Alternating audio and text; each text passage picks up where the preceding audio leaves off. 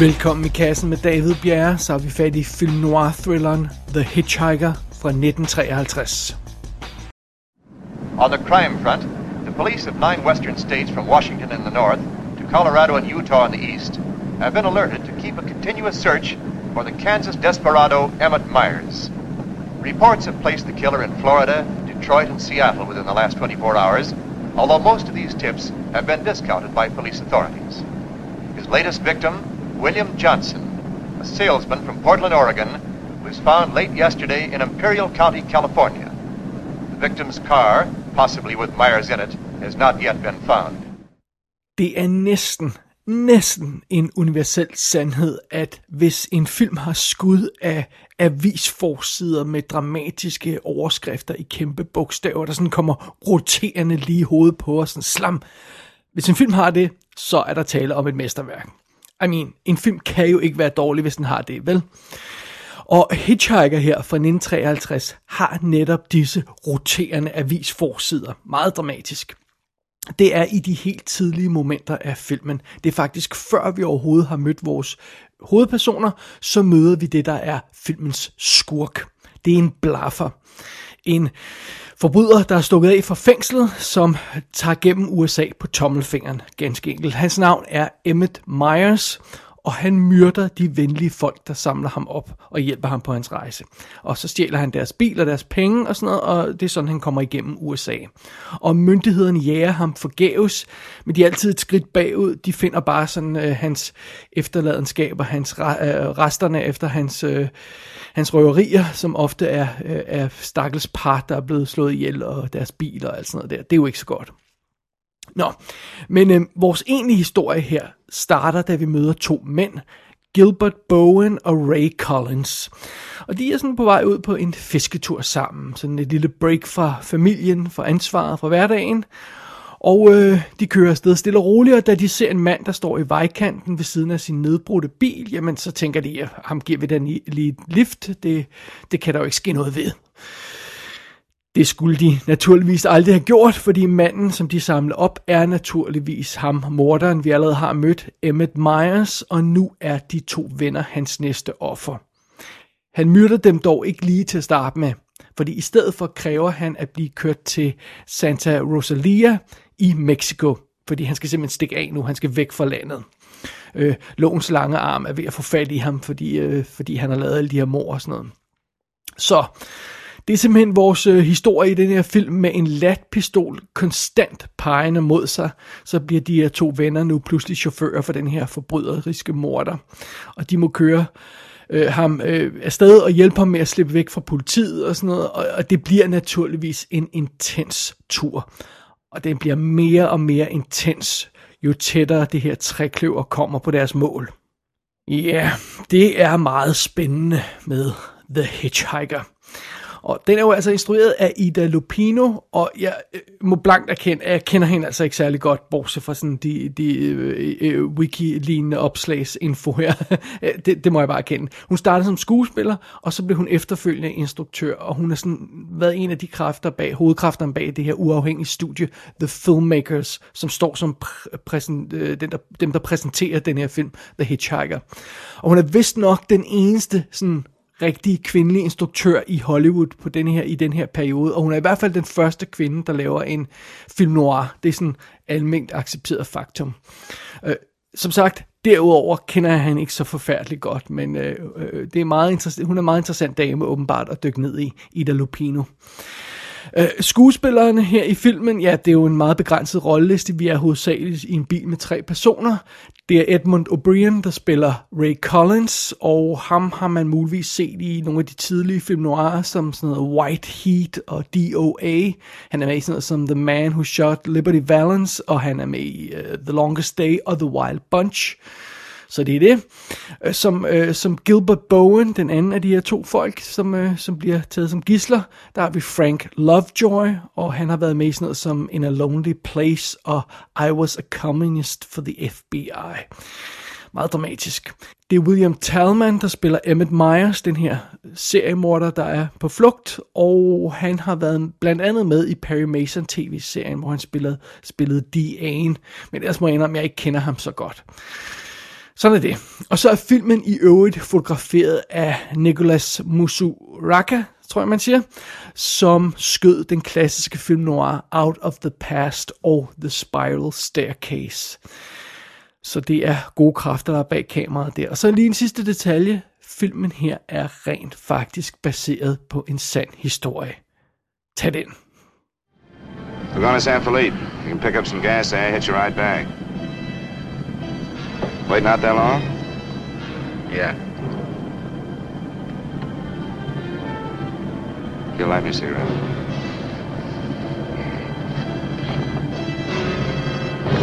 Smoke? No.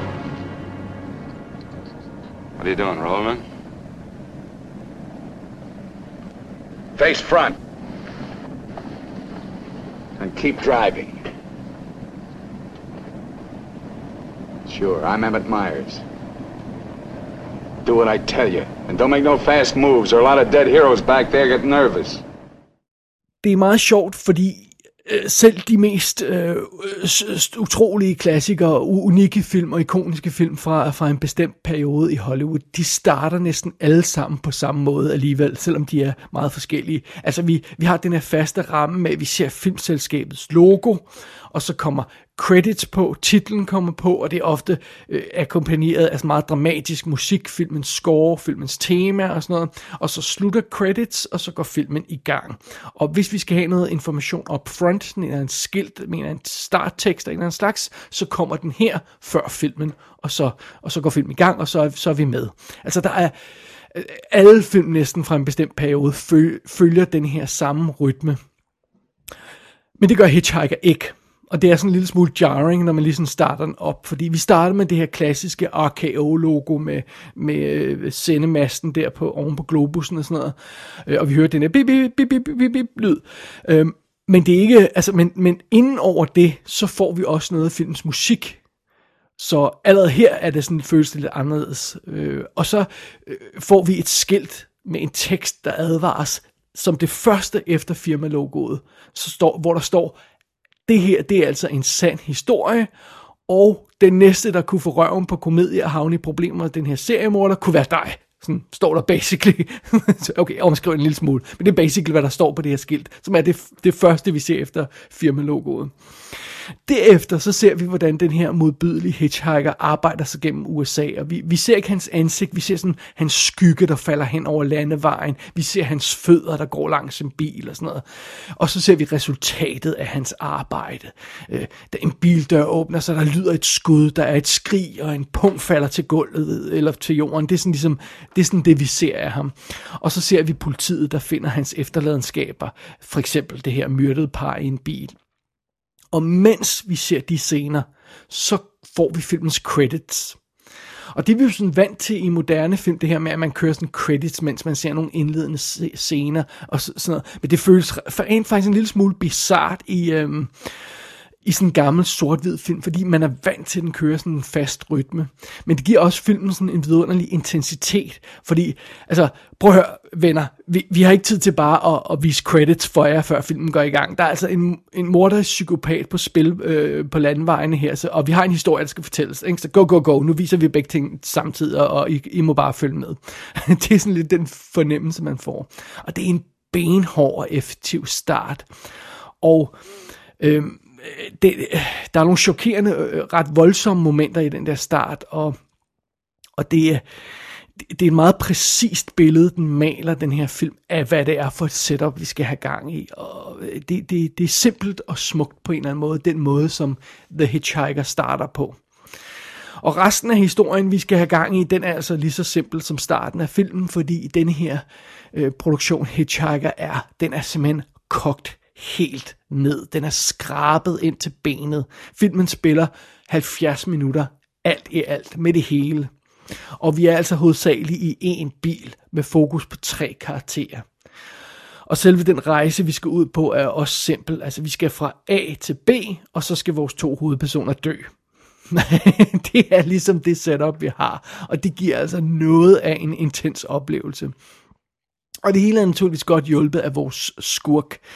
Uh, William Tallman, eller Talman, hvordan man nu end siger det, som, uh, som Emmett Myers, er fantastisk. Han har sådan et super fedt ansigt. Han har det her knækkende grin på, på læben hele tiden, og vi, øh, vi fornemmer, at Emmet han nyder at sprede frygt og død, og, og så har han øhm, karakteren det her dårlige øje, som aldrig er helt åben og aldrig helt lukket, som sådan hænger og stiger dødt på en hele tiden. Det er vildt creepy.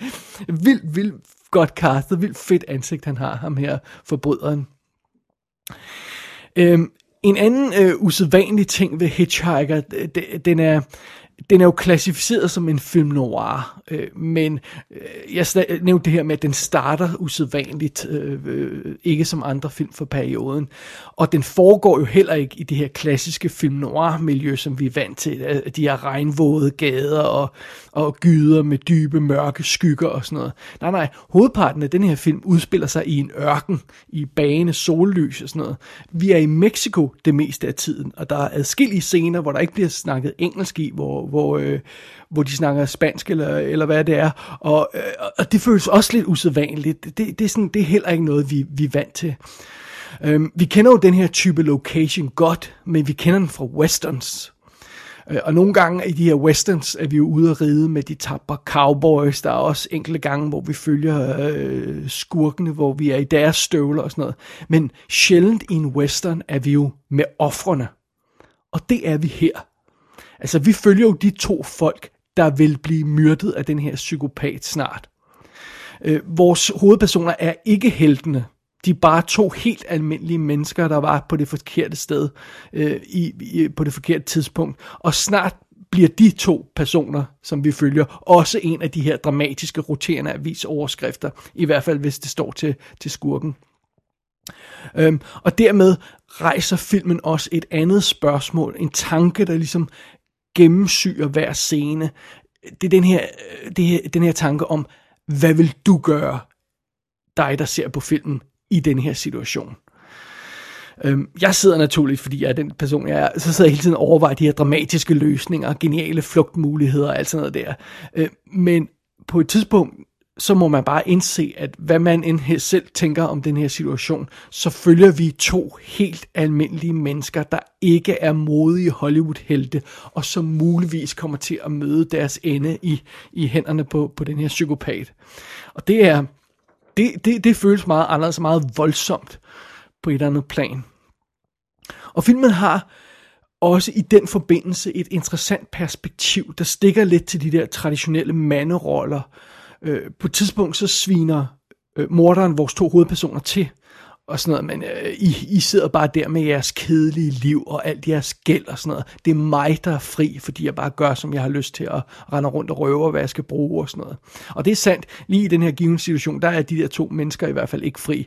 Øh, men, men, men øh, på et lidt mere større overordnet perspektiv, hvis man sådan tænker tilbage på historien, så er der en scene i starten af filmen, før de her to øh, mænd møder hitchhikeren, hvor Gilbert han sidder og siger, at oh, denne her tur, det er faktisk, det er første, faktisk første gang, han har været væk fra konen og børnene siden krigen.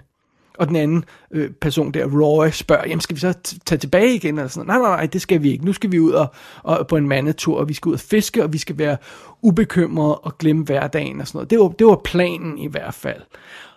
Og det bliver de jo altså straffet hårdt for. Og, og hermed ikke sagt, at filmen sådan lodret påstår, at de ender med en pistol i nakken, fordi de som mænd prøver at stikke af for deres ansvar. Øh, men det er alligevel et spøjs sammenfald af, af, af, af, af, af den her situation, de havner i, og det, de kommer fra. Specielt i lyset af, at det er en kvinde, der står bag den her film. Så det er lidt interessant at tænke over, tænke over hvad det egentlig er, filmen siger i nogle af de her scener. Og det er også påfaldende igen i lyset af, at det er en, en, øh, en kvindelig instruktør, at filmen bruger sin historie til at hive det her mandlige ego et hak ned.